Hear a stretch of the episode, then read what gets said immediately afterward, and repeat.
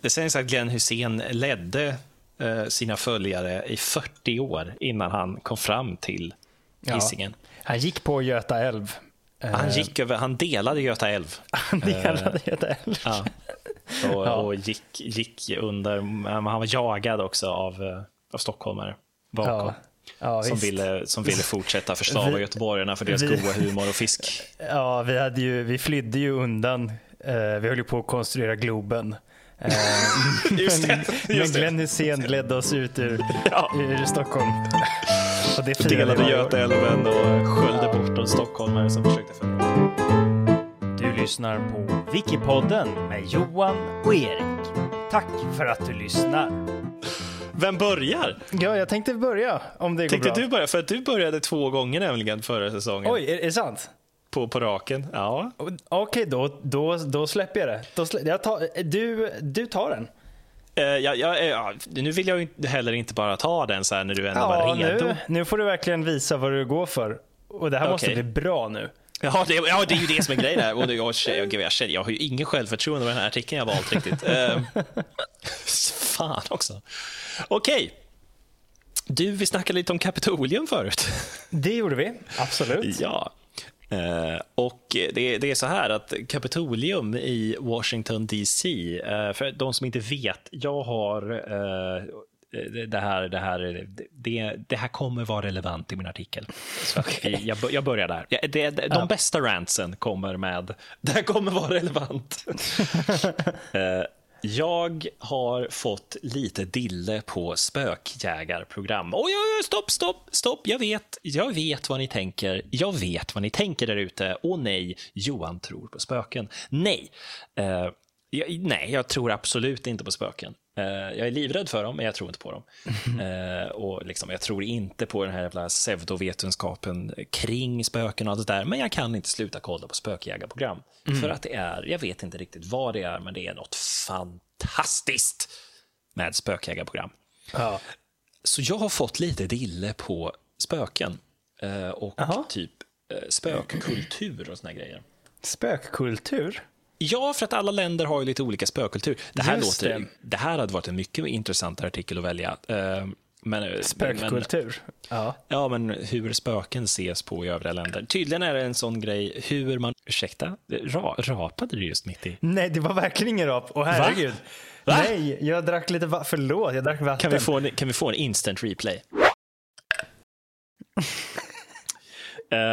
nej, men, och det påverkar tydligen hur folk som hör röster eh, vilken typ av röst man hör. Eller snarare Aha. karaktären och rösten. Så kulturer som, som hör, eh, kulturer som generellt har en ganska vad ska man säga, varm och nära koppling till andar och eh, spöken och sådana mm. saker. Mm. Eh, de rösterna är oftast mycket mer vårdande, mjuka, eh, fina. Eh, Aha, medans, spännande. Ja, medan västvärlden som har en väldigt så här, det är läskigt, spöken är ute efter dig, spöken är mördare. Det är oftast aggressiva, eh, hårda röster som liksom, kräver mycket. Det är tydligen Så då, då, hjälper det ändå att vara lite snäll mot spöken? Ja, det, det, ja precis. Det beror lite på ens kulturella, kulturella uppfattning ungefär. Hur det artar sig. Det är jätteintressant. Men mm. det är inte det jag ska prata om nu. Uh, men det leder in på att då började jag läsa om spökhistorier lokalt, lite överallt ifrån ja. eh, hela världen.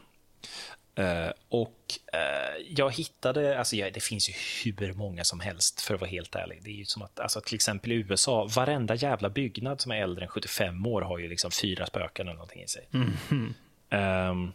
Det är ju liksom, det är omöjligt att komma undan. Jag vill inte ens veta hur många spöken som finns i typ Gamla stan. Liksom. Eller, ja, eller hur. Jag har gått äh, sådana där spökvandringar i Göteborg, det är jättespännande. Och en gång när jag hade, ja. jag gillar ju att ha halloweenfest och så ja. eh, här hemma. En gång så eh, kom en granne och knackade på, för då hade vi satt upp sån här lapp, så här, kära grannar vi kommer ha lite halloweenfest, hoppas att det inte stör, du vet. Så, bla, bla, bla. Okay. Ja, ja. Så kom det en granne och knackade på och bara, hej, jag skrev ut en grej till er, så kan ni få läsa det. Och så var det huset mitt emot där jag sitter, som jag sitter och tittar på nu. Där bodde Sveriges eller om det var Göteborgs, nej jag tror faktiskt det var Sveriges sista bödel. Och så var det liksom en berättelse om, om honom. Ja, sjukt. Okej, okay. okej. Okay. Eh, jag lämnar okay. över till dig igen. Uh, I alla fall så uh, började jag läsa lokala spökhistorier. Ja. Uh, fan vad intressant med Sveriges sista bödel. Gud, jag kan inte släppa det riktigt nu. Nu vill jag nästan välja, mm. välja den som... Så det måste ju finnas en wiki Du har för dåligt förtroende kring din egen wiki-artikel. Ja, nej, lite faktiskt. Nej, men, nej, men, det, det kommer bli spännande. Det kommer bli spännande. Mm. I alla fall. Mm. Så jag läste, jag läste på, det finns hur många jävla spöken som helst. Ja. Såklart, men det är ju ganska få som faktiskt har ett namn eller som har liksom en, vad ska man säga, du vet, ett så här kärvänligt namn. Ja. Lite som Vita Jungfrun i Sverige till exempel. Vita Jungfrun känns ju mer som en demondock eller någonting som bara dyker upp. Uh... Ja, den är inte... Det är ju, jag får inga positiva vibbar. Nej, nej men och det är en sån här, alla kyrkor har typ Vita Jungfrun och såna grejer. Så det, det, är mm. liksom, det är så här. Men uh, det finns ju, alltså teaterspöken till exempel brukar ju ofta ha namn till sist. Just det. Uh, och såna saker. Uh, men jag tänkte alltså berätta om demonkatten i Washington DC. Oj. Eh, och demonkatten sägs hemsöka regeringsbyggnaderna i Washington DC. Bland ah. annat under tunnlarna i Kapitolium. Oh, spännande. Oh, just det. Eh, så, legenden om demonkatten börjar eh, i mitten av 1800-talet. Mm. Eh, därför att man hade byggt Kapitolium och man hade liksom, eh, det, det, under Kapitolium så fanns det jätte, jätte, jättemånga tunnlar. Alltså väldigt många tunnlar. Jaha, varför då? Vad är det för tunnlar? Och källare. Liksom. Jo, därför att de här tunnlarna och kryptan var tänkt som eh, George Washingtons begravningskammare. Aha. Eh, så typ USAs Kapitolium var, eller det var det det var tänkt för från början. Så att Kapitolium i USA är också lite som en jättestor pyramid för George Washington kan man säga. Oj, vad sjukt. Och där eller var tänkt. Och... Ja. Eller var tänkt så. Ja, men där sitter de på, på honom. Uh, men nej, han ligger nu i Mount Vernon i Virginia istället, så att han, han är inte begravd där. Men tanken från början var att det skulle vara hans krypta. Okej. Okay. Eh, och grejen var då att då, då, finns det då det här jättestora utrymmet under Kapitolium som inte används för någonting egentligen. Och vad händer med utrymmen under byggnader som inte används i mitten av 1800-talet? Eh, de rasar samman. Det... Nej. Nej.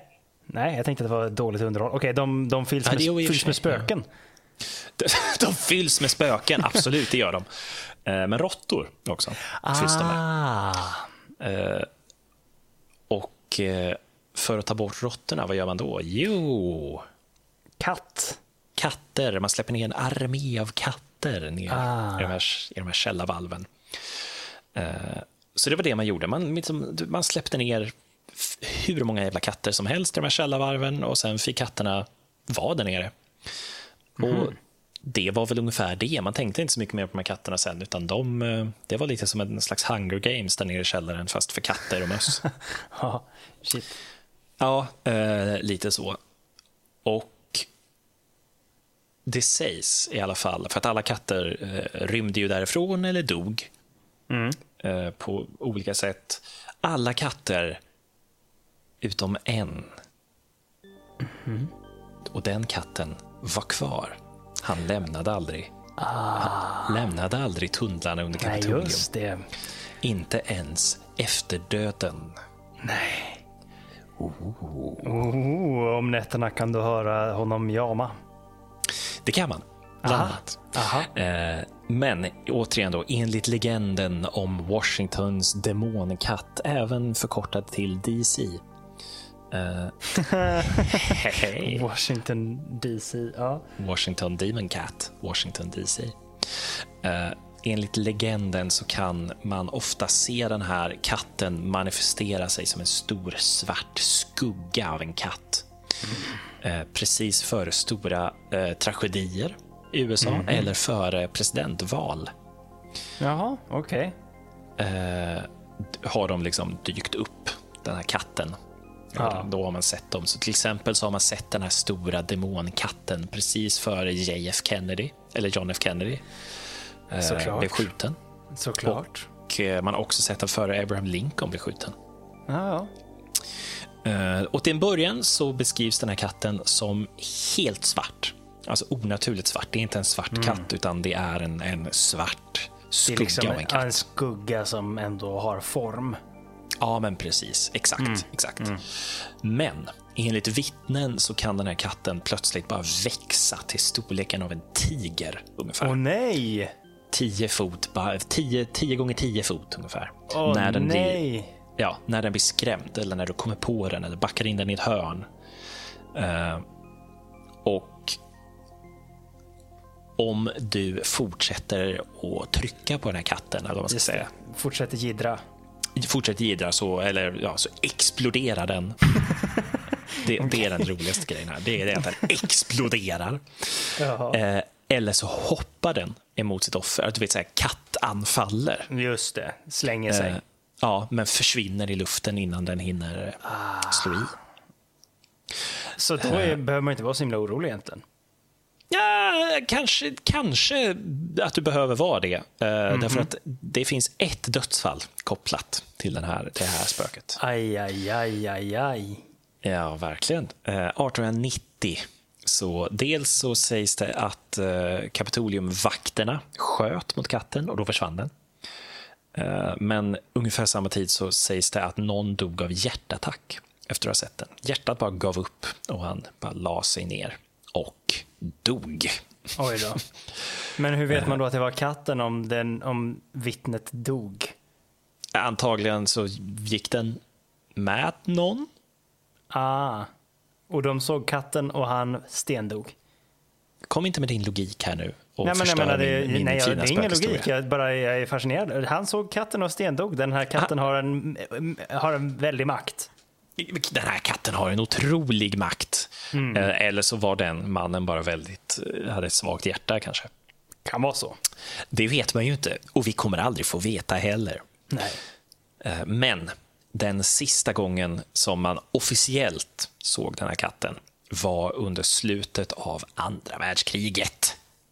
Det var mm. sista gången mm. som man officiellt såg den. Men, men det, vad det... räknas som officiellt i det här sammanhanget? Ja, jag vet faktiskt inte riktigt vad, vad officiellt räknas som.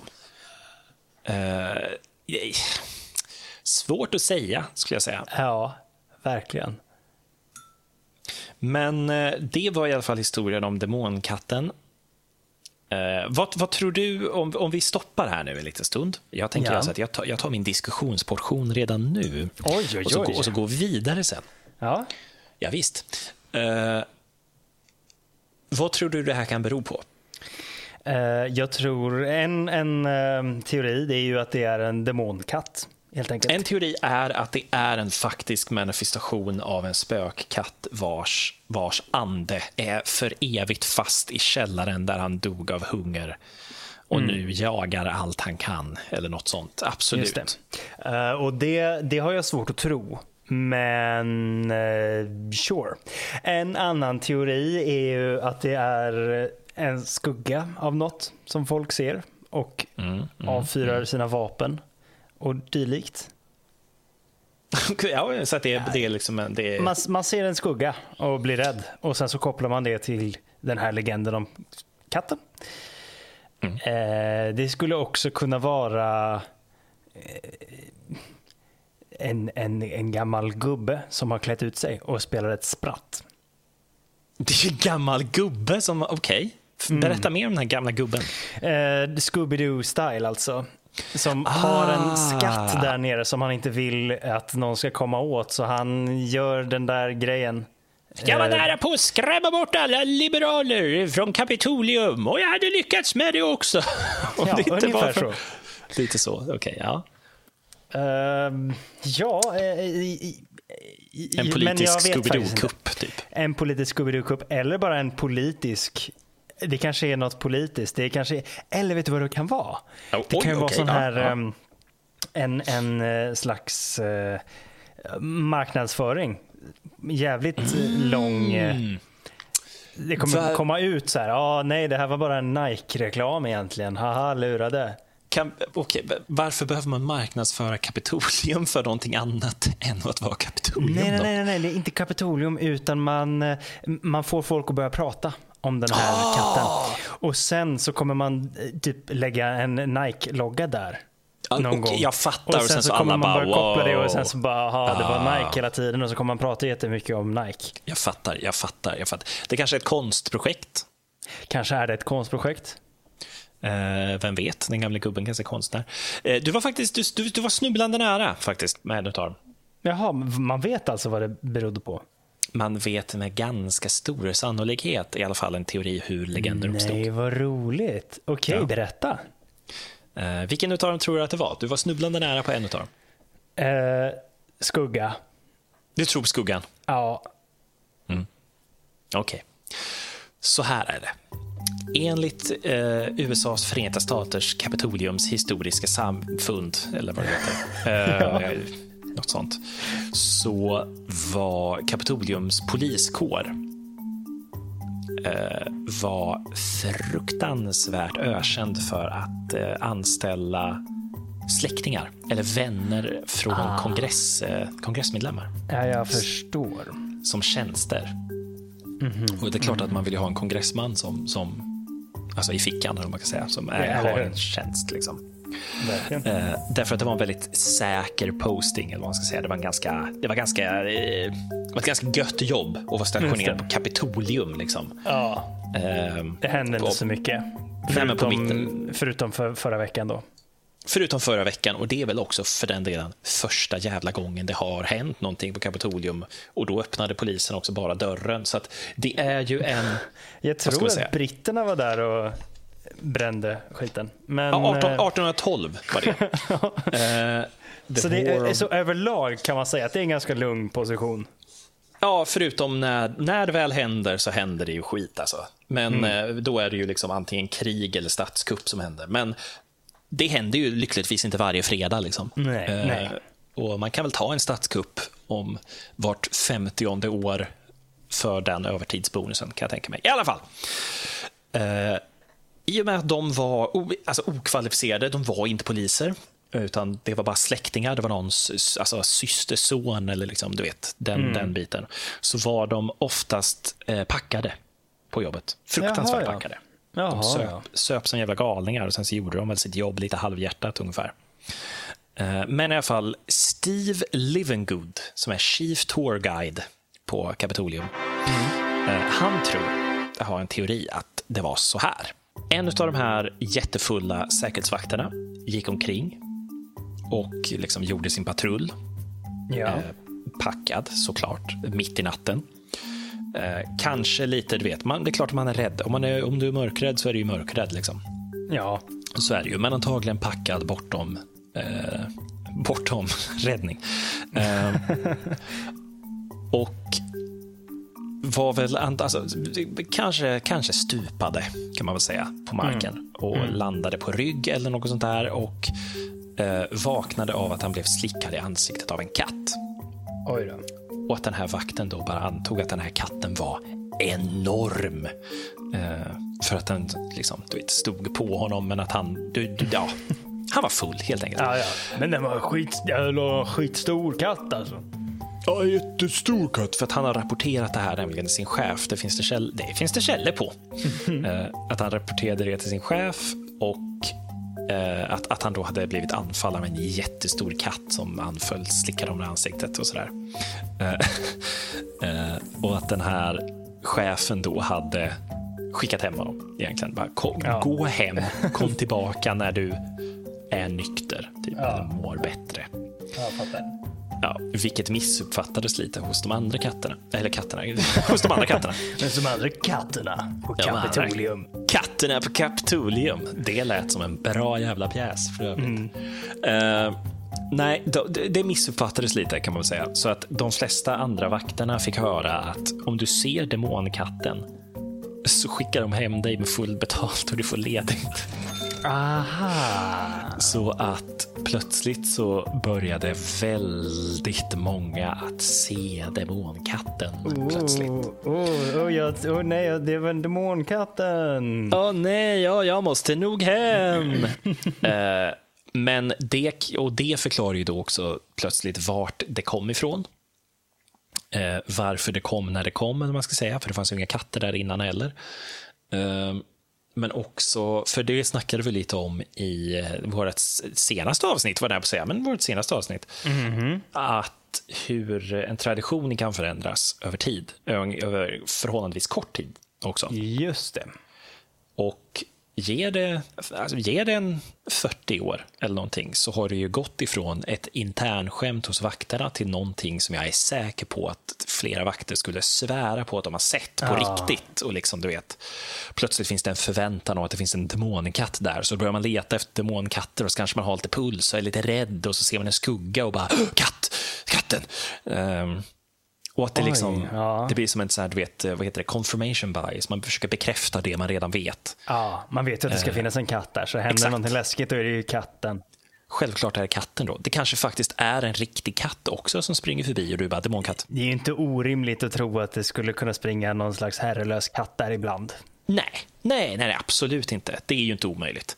Eh, så det, det, och det förklarar ju då också då vart den föddes, men också kanske varför den, varför den fick egna ben, eller man ska säga sen. Eh, Ja, och om det är många som liksom rapporterar och sen så kommer en ny vakt dit och så Ja. liksom för de vidare den här traditionen och nya vakten fattar inte att det är ett skämt, de tror att det är en skröna och sen så, ja. Ja, men det, alltså det som börjar som ett skämt blir ju väldigt snabbt en skröna. Ofta. Eh, eller börjar lätthjärtat eller som, ett, som en lögn och så plötsligt så liksom wham så har man en, En demonkatt på händerna. en demonkatt runt sina anklar. Eh, Men jag tyckte det var jävligt spännande. Det Ja, som jag tyckte var spännande. spännande, det som jag tyckte var spännande med det här var just att det finns en förklaring bakom det. Ja, det är inte så himla ofta. Nej, Det, för att det är bara, ja, ja, det är roligt. Ja, men ofta så känns det ju som att de flesta spök, eh, eh, spöklegender har eh, förändrats under så lång tid att det är i stort sett omöjligt att veta under vilka förutsättningar den hade kunnat födas från. Ja, precis. Och att det har ofta spritt sig liksom till flera ställen. Så det finns en vita damen i det huset, en vita damen i det huset. Och det här är original vita damen, nej det här är original vita damen. Här är Ja. det ju väldigt, eh, det är fortfarande lite färskt kanske man kan säga. Ja, men en, ja, verkligen. Så mycket ifrån USA, ganska färskt. Ja. Eh, är någonting som också kan, kan vara kul att veta. I ett- 2006 så grundades The DC Demon Cats och de är ett av Washington DCs fyra rollerderby hemmalag. Ah, bra namn för ett rollerderbylag. Det är det faktiskt. Det är ett jävligt bra namn för ett rollerderbylag. Nej, men eh, ja, nej, det var väl egentligen det jag tyckte var intressant med den. Ja. Att, eh, jag tror, som du säger, eh, någonstans, liksom, det kanske är bara en, en, en, en kvinna i eh, sovkläder som var ute och gick en natt och så bara “vit jungfru!” ah! och sen så har det spridit sig över hela jävla Sverige. Liksom. Ja. Eh, och att det nog finns väldigt, väldigt, väldigt många sådana ställen där man förväntar sig att se ett spöke och sen så... Ja, precis. Alltså, skulle du, vi har ju pratat lite om det. Jag vet ju att du har fått den här fascinationen för sådana spökserier. Vi har ju också spelat ett spel som handlar om att man ska jaga spöken. Eh, Just Och jag vet ju om vi skulle åka ut till ett ställe som var liksom erkänt hemsökt och liksom Ja. försöka eh, men göra det där som man gör på sådana spökshower. Det är klart Mm. vi skulle eh, upptäcka saker, eller vi skulle uppleva saker. Och, eh, klart. Det är klart. så, så som vi är så skulle vi verkligen försöka vårt hårdaste att inte attributera det till spöken. Men man skulle ju Ja. ändå bli lite så, oh, oh det var det verkligen. Det där. Ja, men så här, åh, det där var ett spö... Nej, det var en skugga. Men, ja, men det för att hjärnan fungerar ju så också. När man är rädd så letar ju hjärnan efter hot överallt. Och då går ju den här, eh, gud, vad är det det heter nu då? Eh, parafo, parafili, tror jag det heter. Paradoi, paradoi. Pareidolia. Ja, precis den. Eh, precis, parafili är säkert någon, eh, någonting helt annat. Det låter sexuellt. Det låter jättesexuellt.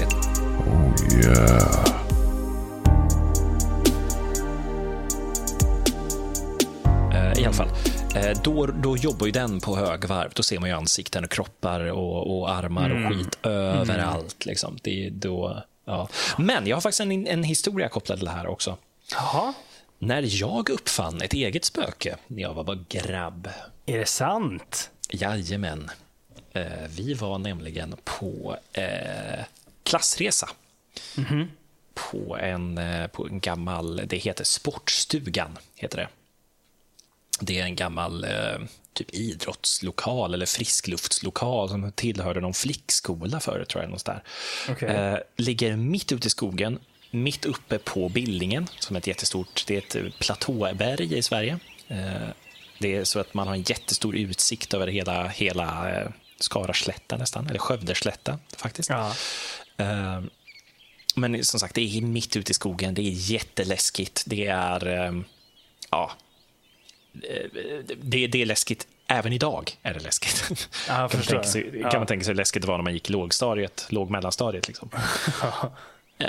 Så då var vi där och på kvällen så skulle vi berätta spökhistorier Åh eh, nej. tillsammans. Ja, så vi alla hade gjort upp en eld och så satt vi, det här klassiska, du vet, vi satt och så, så berättade vi historier.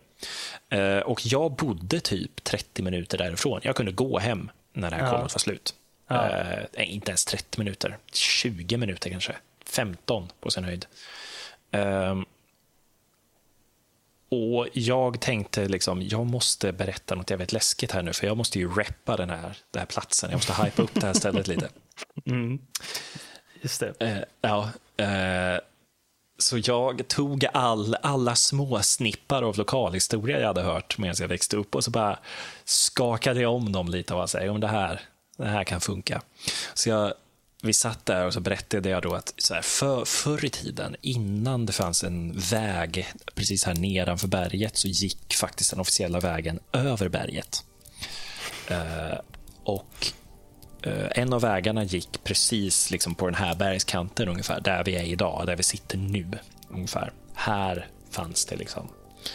eh, ja, det har alltid varit öppet här, det har liksom alltid varit lite träd här och såna grejer, vilket, eh, vilket gjorde att man ofta tog den, den vägen ifall man ville, ville åka långsamt eller mm. såna grejer. Men det var också den snabbaste vägen, men farligaste vägen. Eh, en, en dag så skulle de transportera, eller polisen skulle transportera en dömd eh, mördare som liksom hade dödat en hel jävla familj ute på någon gård någonstans. Som hittade honom i en, i en pöl av blod ungefär med, med en yxa i handen ungefär. Åh nej. Jo, eh, på bar gärning. Han ångrade sig inte överhuvudtaget. Så honom skulle de transportera i, eh, i en eh, kärra. En, du vet, en sån här poliskärra. Det här var liksom runt 17, 17 1800 någonting. Eh, och de tog naturligtvis den snabbaste vägen, för han skulle ju till rätten så fort som bara möjligt. Eh, varje sekund han var utanför ett fängelse var en risk för, för allmänheten. Eh, det var bara det att de åkte lite för fort och det var regnigt och det var lerigt så plötsligt så halkade hästarna till och föll ner för den här klippsatsen som var precis bredvid där vi satt. Och de bara föll handlöst och hästarna bara landade i en stor hög av ben och kött och bara... Liksom. Ja, och den här vagnen störtade ner och ingen överlevde i den här vagnen. Eh, Men det sägs att om man är riktigt tyst så kan man fortfarande höra de här hästarna gnägga i skräck och smärta ifrån den här kraschen medan man fortfarande sitter här. Och det sägs att man har sett skuggor liksom röra sig precis i skogskanten vid den här platsen. För att man byggde ju det här huset sen för att det var en öppen och klar plats. Typ. Eh, Den uppfann jag och sa att jag hade, den hade jag hört av farfar minsann. Det var liksom en så här, det här, det. Det är en här säker källa. Ja, det här är en klassisk eh, spökhistoria liksom, som, som är väl känd och etablerad. Inte alls påhittad för tio minuter sedan. Eh, men grejen var att jag hade ju tänkt till lite också. För jag visste att i, i skydd av ganska många granar så fanns det en hästgård nedanför, nedanför den här klippan. Eh, ganska långt ner. Som, och jag visste att man kunde höra både kor och hästar ibland. Vilket då såklart man gjorde. Man hörde, jag kommer inte ihåg om det var en ko eller om det var en häst man hörde. Vad fan det var, men folk fuckade ju ur alltså.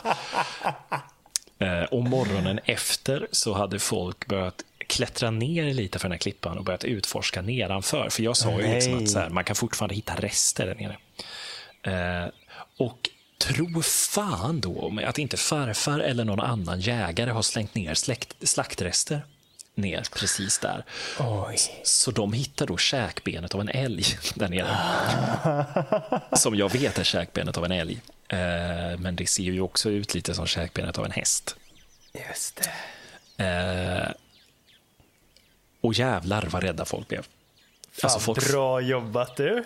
folk fuckade ur alltså, just den resan. Ja, tack, tack. Men den jävla historien har jag sen hört igen eh, efter det. Åh, oh, vad bra. Fy fan vad bra. eh, så jag av misstag tror jag råkade uppfinna en egen spökhistoria. Eh, oh, det, kan gå, det kan gå så snabbt liksom. Och så lätt kan det gå. Och jag vet med 100% säkerhet att nej, det är fejk. Det hände aldrig. Det finns inga spöken där ute. Det är liksom mm. så här. Men, ja, nej. Så att jag har också gjort det här. Ah, shit, vilken, eh, men vilken bra lögn. Ja, jag hade ju tänkt till lite där i alla fall. Det här med benen Verkligen. var ju bara ren jävla tur. Alltså, det var ju ödet. det var bara ödet som spelade med händerna.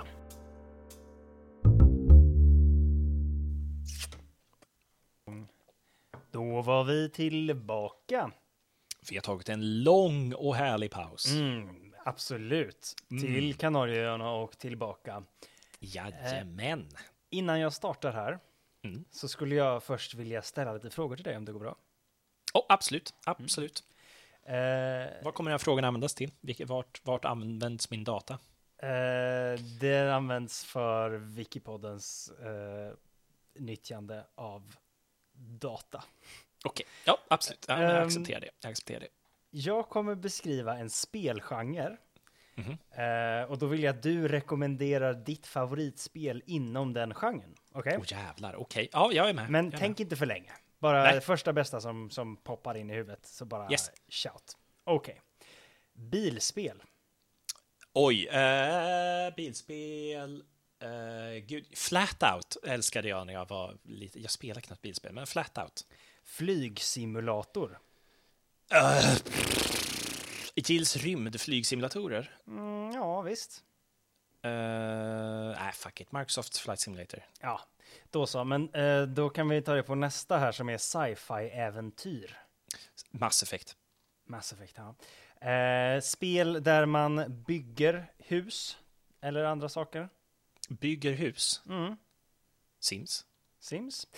Och sen en liten svår här. Båtspel. Mm båtspel. Eh, där skulle jag nog kanske i sådana fall välja eh, Flotsam. Ett mm. ganska bra båtspel. Du bygger en, du har en flytande postapokalyptisk koloni som du måste expandera hela tiden. Oj, oj, oj. Ja. Mm. Um, men vad skulle du säga om jag berättade för dig att du kan få alla dessa typer av spel inom men... en enda härlig franchise? Nej. Jag säger Rulla ut och rulla på. Mullemäck! Jajamensan, idag ska vi prata om Mullemäck.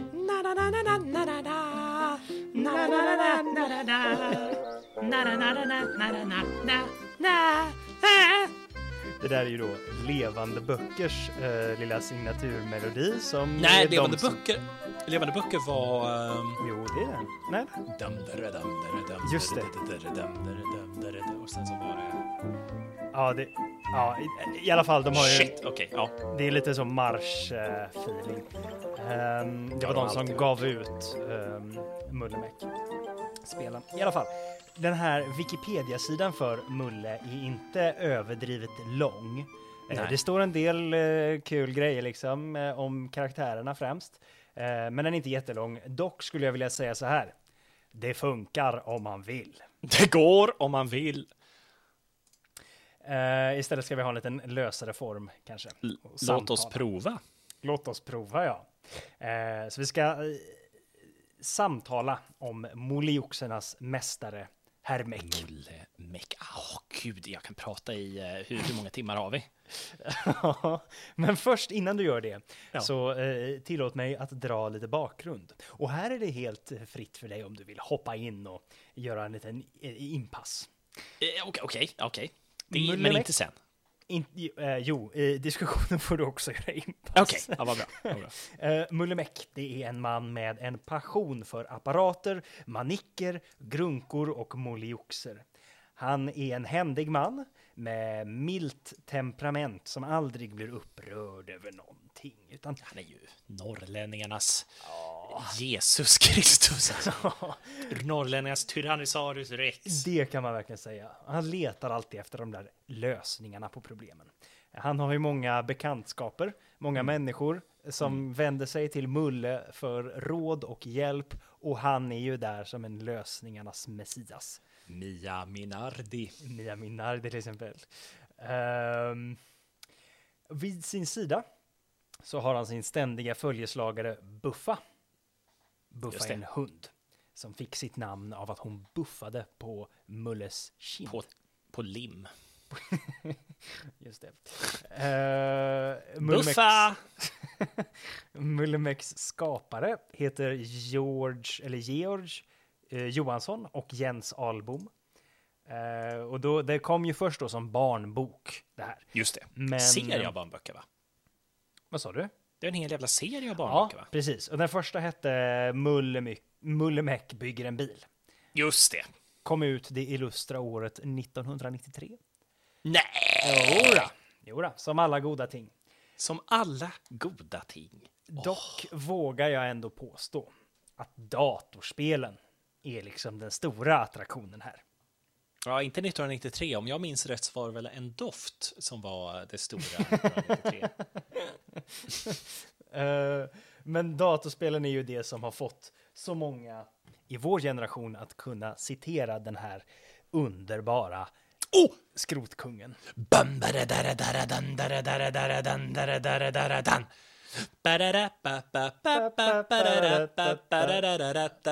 Bum, bum. Ah, så var det. Det, det är levande böcker. Så var det.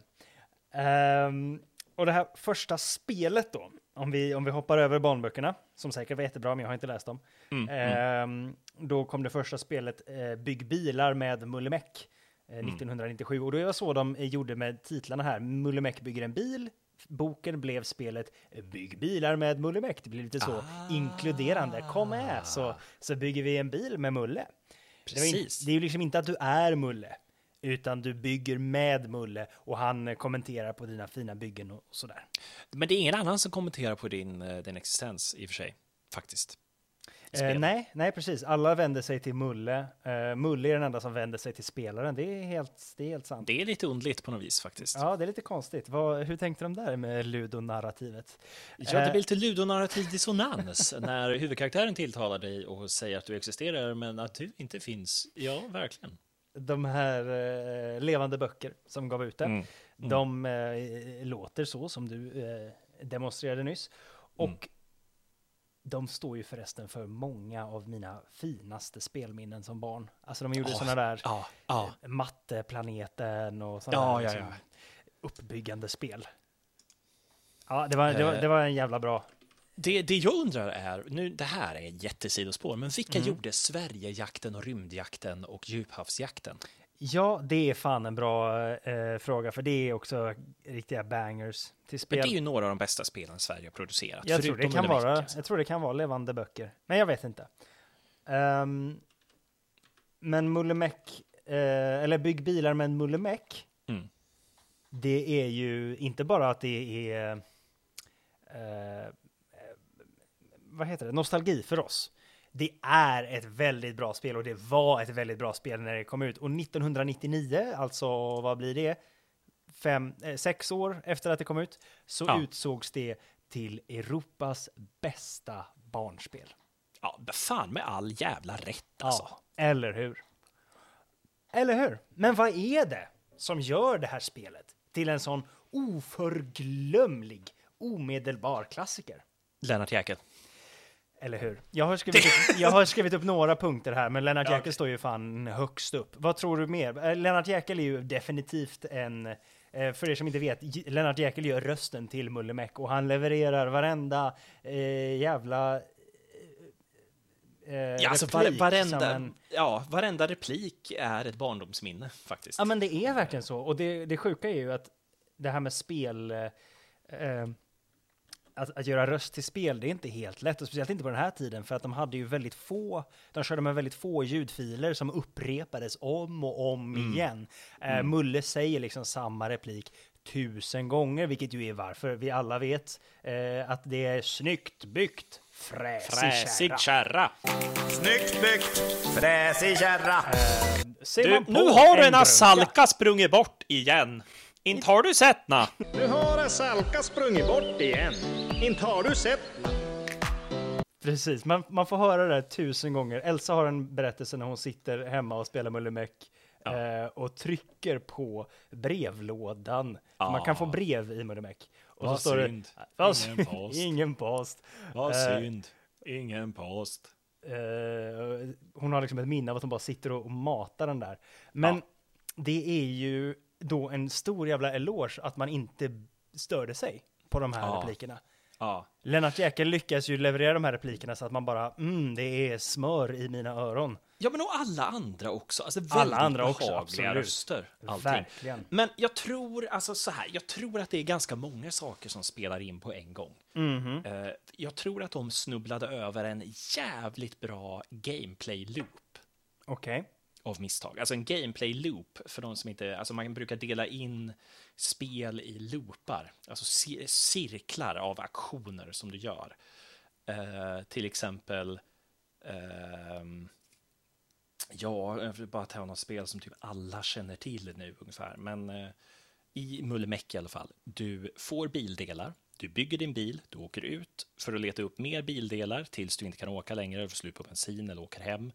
Eh, och med de bildelarna så kan du bygga andra slags bilar eller bättre bilar som du sen kan ta dig till andra ställen på kartan med. Eh, och det blir en väldigt bra loop. Liksom. Det, blir, det blir väldigt engagerande och det får dig att vilja fortsätta komma tillbaka för att så här, åh, men nu fick jag en ny del, den vill jag testa. Eller så här, nu fick jag, åh, hur kan jag komma över den här bron till exempel? Alltså, Just det. eh, så det, det tror jag definitivt är en grej. Bra Varför- så kallat gameplay i, i det här Ja, faktiskt. till synes ganska simpla spelet. Eh, dels tror jag kon, alltså art assets, eh, nu vet inte vad det heter på svenska, men konsten, hela spelet är ju målat i vattenfärg. Ja. Alltså det har jag skrivit här som punkt nummer två. Man spelar i barnboksteckningar. Ja, exakt. Du spelar en bok. Det är en levande bok. Det, Det är, är så verkligen så, det känns. fruktansvärt mysigt alltså. Ja, det är det. Det man, det. alltså man kan ju ta vilken screenshot från det spelet som helst och trycka ut och ha som tavla. Alltså de är ju, det är ju ett väldigt vackert spel så sett. Ja, men det, det är ju samma illustratör som gjorde böckerna som gjorde Mm. spelet också. Så att det lyckades de verkligen med. Eh, och det, eh, mysfaktorn, jag vet inte riktigt, det, Ja. allting spelar väl in där, men det är verkligen någon form av svensk småstadsmysfaktor. Eller ja, inte en småstad, svensk. Ja, men jag kände att jag bodde i en svensk småstad när jag spelade Mullemäck. Ja, Och då bodde jag ju i Göteborg. Men, Ja, det, men den lyckas ju ändå transportera en till det, eh, den sinnesstämningen. Alltså, Ja. det, är, det är Ja. fruktansvärt mysigt. Mysigt, de, de träffade 10 av 10 på mysighetsskalan.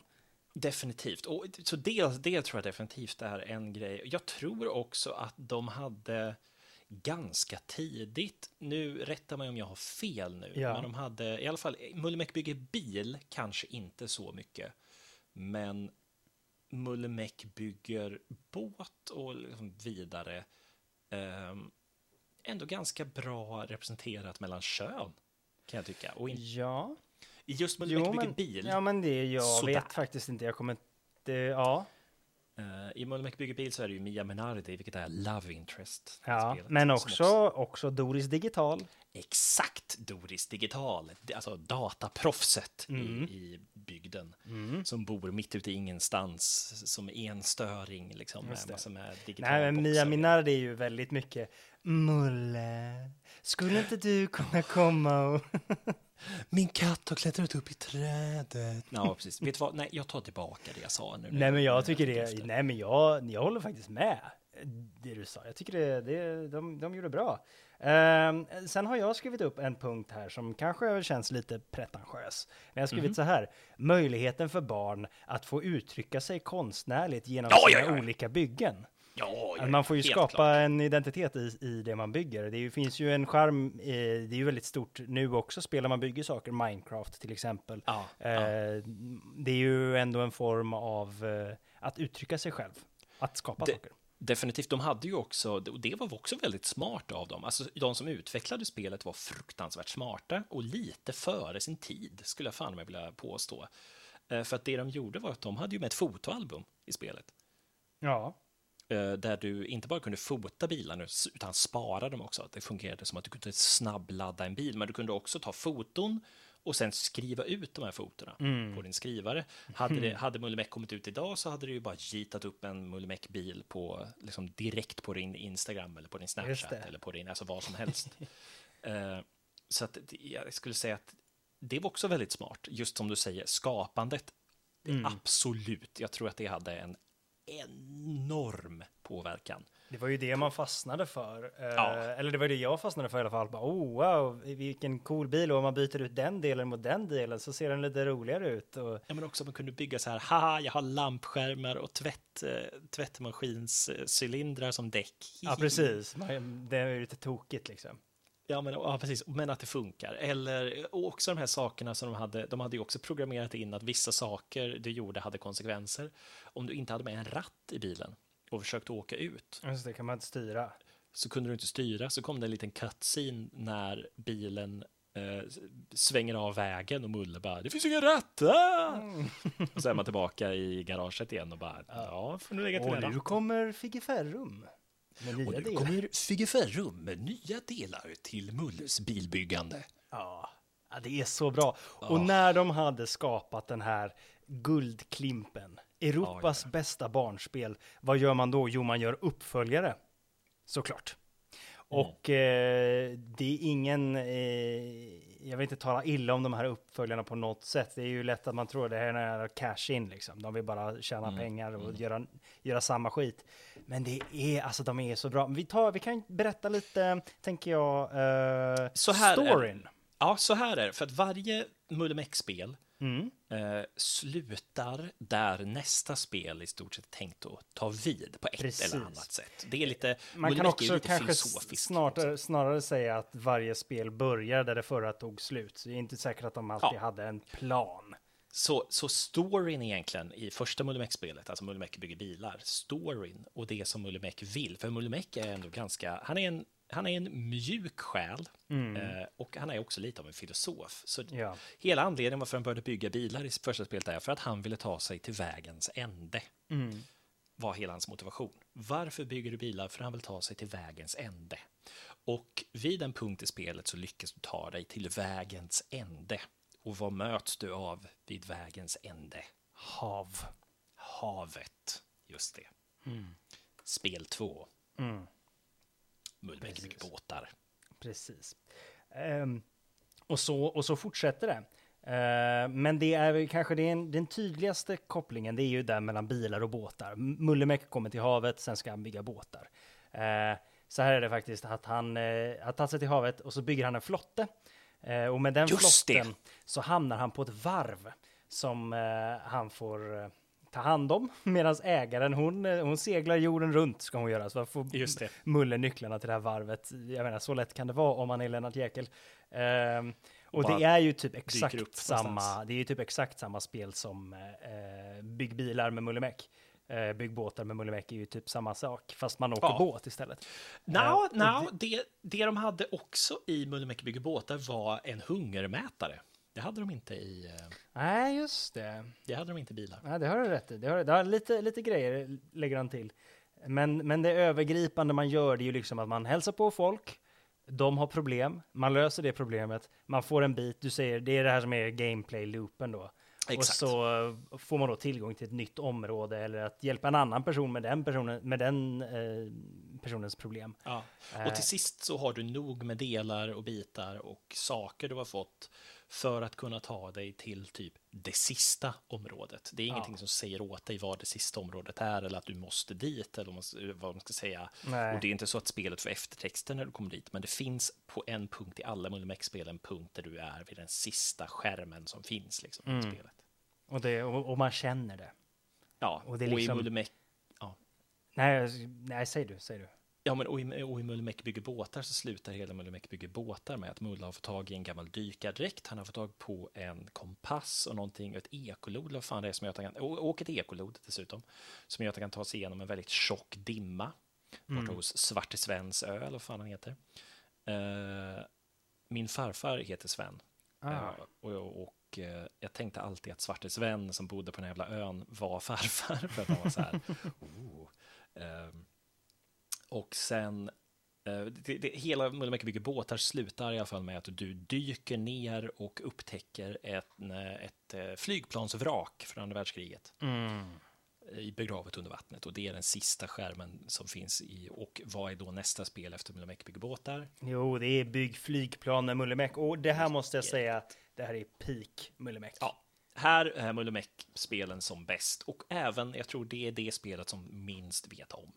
Ja, Nej, ja, det- nej, det, det, nej. de som kommer sen vet färre om. Det är sant. Bilar och båtar är ju det som, som de, de flesta har spelat. Ja. Ehm, Fly, men flygplanen var bäst. flygplan, fruktansvärt bra. Ja. Det de har gjort här då, som jag var lite imponerad av ur en teknisk eh, synpunkt Mm. när jag var liten, eh, det var ju att i, i de tidigare spelen, så när du åker bil, så är det exakt samma röda 3D-modell. Det är liksom det Mm. enda som är 3D i de här spelen, det är fordonen. Ehm, så det är en liten eh, röd bil utan några som helst detaljer som man åker runt med. Eh, oavsett vilken sorts fantasifull bil du bygger så är det den Ja. bilen du åker runt med. Och Samma i båtar, båtar, är samma grej också. Eh, det är liksom en samma båt som du åker runt med, är jag ganska säker på i alla fall. Men jag tror att det kanske varierar med segel och såna Ja, grejer okej, också. okej, ja. Men flygplan däremot, där har de full 3D-modellering på det här eh, flygplanet som de har byggt. Och det eh, blir större om det är närmare skärmen, det blir mindre om du åker liksom ner, för det är liksom top-down view när du styr ditt flygplan. Och det finns liksom en 3D-karta som du åker över. Det syns, det ser inte så 3D ut, eh, men man kan krascha om man åker in i för höga berg och så vidare. Och, ja, och världen är typ vackrare än vad det någonsin har varit innan Ja. också. Eh, Ja. Där den tidigare har varit liksom, du har varit ganska högt över marken, men det har ändå varit liksom, eh, ja, det, är som målningar. Här är det som en gigantisk landskapsmålning över, åh, det är så vackert. Ja, det är väldigt vackert. Väldigt vackert. Och, och ifrån eh, Bygg flygplan med Mullemäck kommer också mitt favoritcitat som är, ehm, eh, nu blir det kanske inte helt ordagrant, men eh, tänka sig att en så liten stad som Snosburg kan Ja. ha ett inlopp från ett så stort och mäktigt hav. Och det säger eh, Lennart Jäkel bara liksom eh, helt en passant när man bara kommer till Snosburg så bara lägger han den kommentaren. Och det är så mysigt. Och det är återkommande karaktärer också. Doris Digital tror jag är med i alla spel. Doris Digital, alltså det, om, man, om man frågar så är det nog den personen som folk känner till mest, förutom Mulle och kanske Buffa, så är det nog Figge Ferrum skulle jag säga. Ja, Men Doris Digital är den som är med i alla spel. Eh, och vi har ju nämnt Figge Ferrum, Doris Digital och Mia Minardi. Eh, de, har vi, eh, de är med ganska mycket. den här journalisten, vad är det han heter? Författaren? ja, ja det finns lite olika. Vi ska se. Jag har upp en, nämligen en, en lista över alla, men vi har ju... Nej, vänta nu. Det någonting som också är roligt i alla spel, medan du letar lista. Så Ja. I Mullemäki bygger bilar, Mullemäki bygger båtar, Mullemäki bygger flygplan, tror jag han dyker upp i också. Jag vet att han bygger upp i Mullemäki bygger hus. Ja, nu ska jag inte spoila, men Mullemäki bygger hus. Eh, den sista ska jag däremot inte spoila. Det är stockholmaren. Eh, I alla spel så kan du plötsligt eh, stöta på en stockholmare som står med en racerbil eller racerbåt. Och i Mullemäki bygger bilar så är det antingen att han är mitt i skogen och så är det ett träd framför bilen och han bara men, men det är ett träd i vägen! och så måste, måste då naturligtvis Mullemäki, den stora, stora biffiga norrlänningen med sin bil, få bort det här trädet. Eller så har han fastnat i gegga på, på vägen. Eh, det är det som kan hända i Mullemäki bygger bilar. I Mullemäki bygger båtar så har han kört på grund hela tiden och så här fastnat Just typ, det. på... eh, Han är liksom en oansvarig, han är anti-Mulle kan man säga. Men han är Oansvarig. inte otrevlig. Han är heller. inte, han är inte otrevlig. Eh, Nedlåtande. Eller- Ned, jo, men han är lite otrevlig kanske, men han är ju liksom, eh, Eh, han är anti-Mulle, han har inget koll, han har inget vett, men han har massa dyra saker. Medan Mulle har Ja. all koll, men kan skapa saker från inget. Exakt så. Nej, men precis. Så att den här jävla stockholmaren dyker upp i alla spel, i alla former av trubbel och inkompetens. Och, eh, vilket är lite kul. Det, Mm, tycker det är jag. lite roligt. Han dyker upp i alla. Sam Scribbler heter den här Sam författaren och Scribbler. redaktören. För Eh, och Just jag kan det. bara nämna, alltså det finns några riktigt tunga eh, skådespelare som har gjort rösterna till de här, film, eh, de här personerna. Jaså? Eh, Lennart Jäkel då är ju en. Ja. Han, han går ju inte av för hackor. Men vi har även eh, Pia Johansson som Doris Digital. Jaha! Det är, det är faktiskt eh, fyra personer som har gjort Doris Digital, en kanske i varje spel. Men Pia Johansson är den som jag känner igen mest. Det kommer jag ihåg när, när jag var liten. Oh, fan. Ehm, jo, men det vet jag att hon byter röst hela tiden. Det minns Ja. jag ifrån när jag var liten. Ja, och det är ju liksom en, eh, det är också en stockholmare väl, Doris Digital. Ja, Men hon är så här, eh, hon är jävligt tuff och kan sina grejer. Mulle, du, jag behöver en så. Hon, men hon är lite som Mulle Meck fast med elektronik. Precis. Skulle jag det, beskriva det är henne den som. elektroniska Mulle. Men sen Ja. har vi också Börje Ahlstedt. Nej! Jo, han är atle- artillerist i eh, flygplan och han är eh, eh, lite andra saker. Svarte Sven är ju Börje Ahlstedt. Herregud. Åh, Svarte Sven var så bra. Han var så läskig, minns jag. Ja. Eh, men vi har också Jonas Karlsson som Roy McCoy. Roy McCoy. Och, eh, nej, ja, just det. Ja, nej, så det är lite, det är lite coolt. Eh, men om vi går vidare då. Uh, Bygg flygplan, han har hittat ett, Ja. en hangar. Så han Ja, tänker, precis. eh, ja Eh. men fan jag kan väl börja bygga lite flygplan, så svårt kan det inte vara. Jag kommer inte ihåg hur flygplan leder in till bygghus. Jag har för mig att hans hus förstörs i en storm. Så mycket Ja. vet jag. Men jag tror att det gör det, eh, jag är inte helt eh, hundra på det här, men jag vet inte om det faktiskt leder in eller om det är en efterkonstruktion i Bygghus med Mullemäck som kommer sen. Eh, alltså att, för jag tror att Bygghus med Mullemäck börjar med den här historien om att han hittar ett fallfärdigt ruckel, eller att hans hus har gått sönder. Det är liksom ingenting som de hintar om i Bygg flygplan, men jag kan, Nej, jag kan vara, ha fel. Ehm, men... ehm, är det ju också... ja. I, I Mullemäck bygger hus är du också tillbaka i garaget från Mullemäck bygger bilar. Just precis. Det är en härlig liten återkoppling. Eh, men han, han, han har ett trasigt hus som måste renoveras, så då, gör, så då gör han det. För han är ju inte någon som, som böjer sig.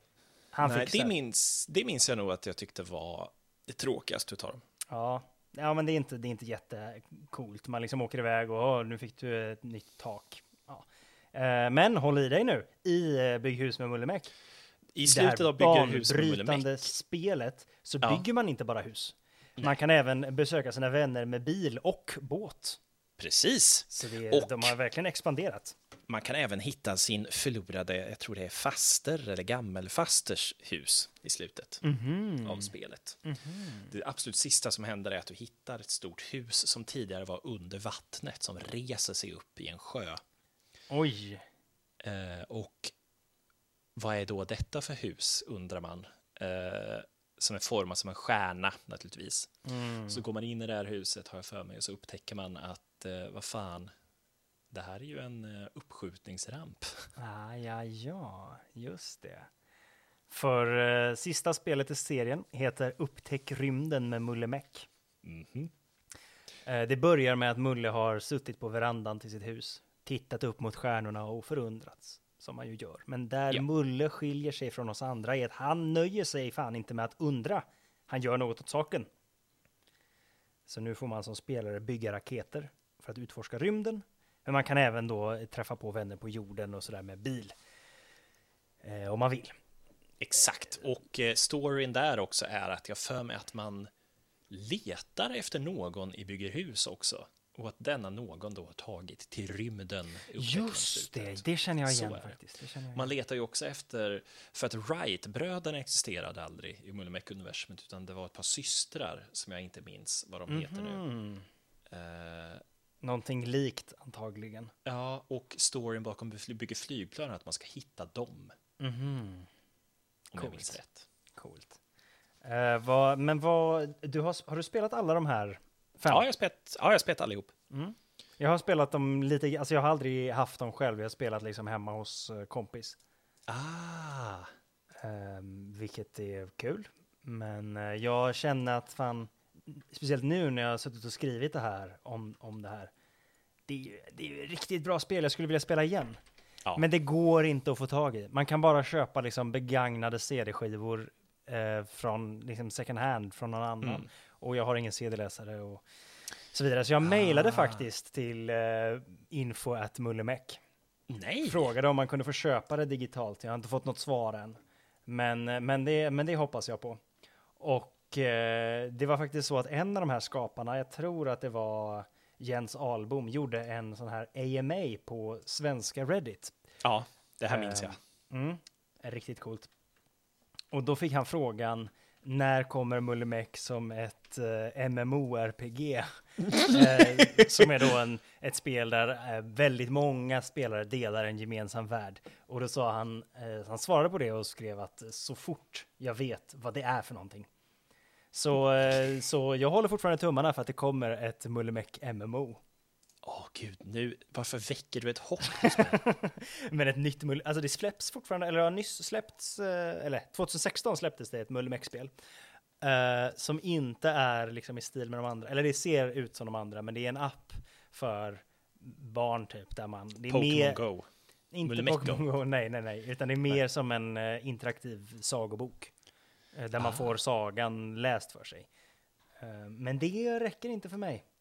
Nej, vet du, vet du vad Mullemäck heter på engelska? Jag vet det. Eh, jag vet att han heter Gary Gadget på engelska, Ja. att han heter Willy Warkel på tyska och i Nederländerna där han verkligen verkar ha slagit eftersom att han översatt alla fem spelen eh, till, eh, Ja.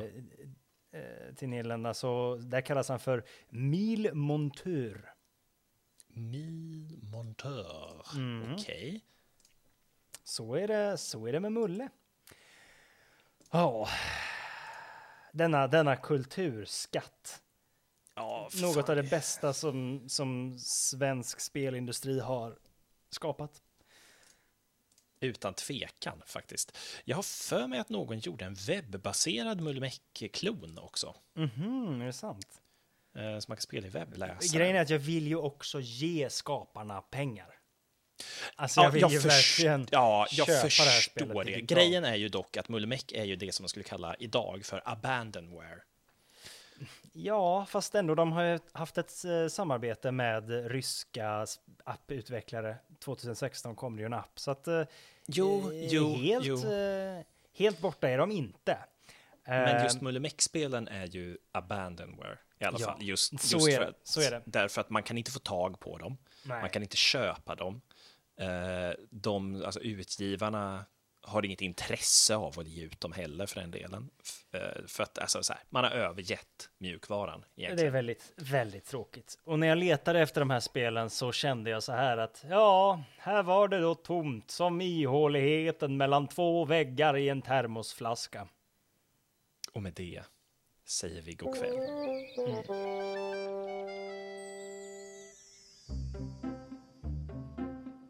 Hej, hej. Ja, det är jag som är Mulle... Jag tänkte vi skulle bygga båtar tillsammans. Ja, det är jag som är Mulle Mac. Jag tänkte vi skulle bygga båtar tillsammans. Det finns ingen skrot. Allt skrot kan användas på, nya sätt. Ja, det är jag som är Mulle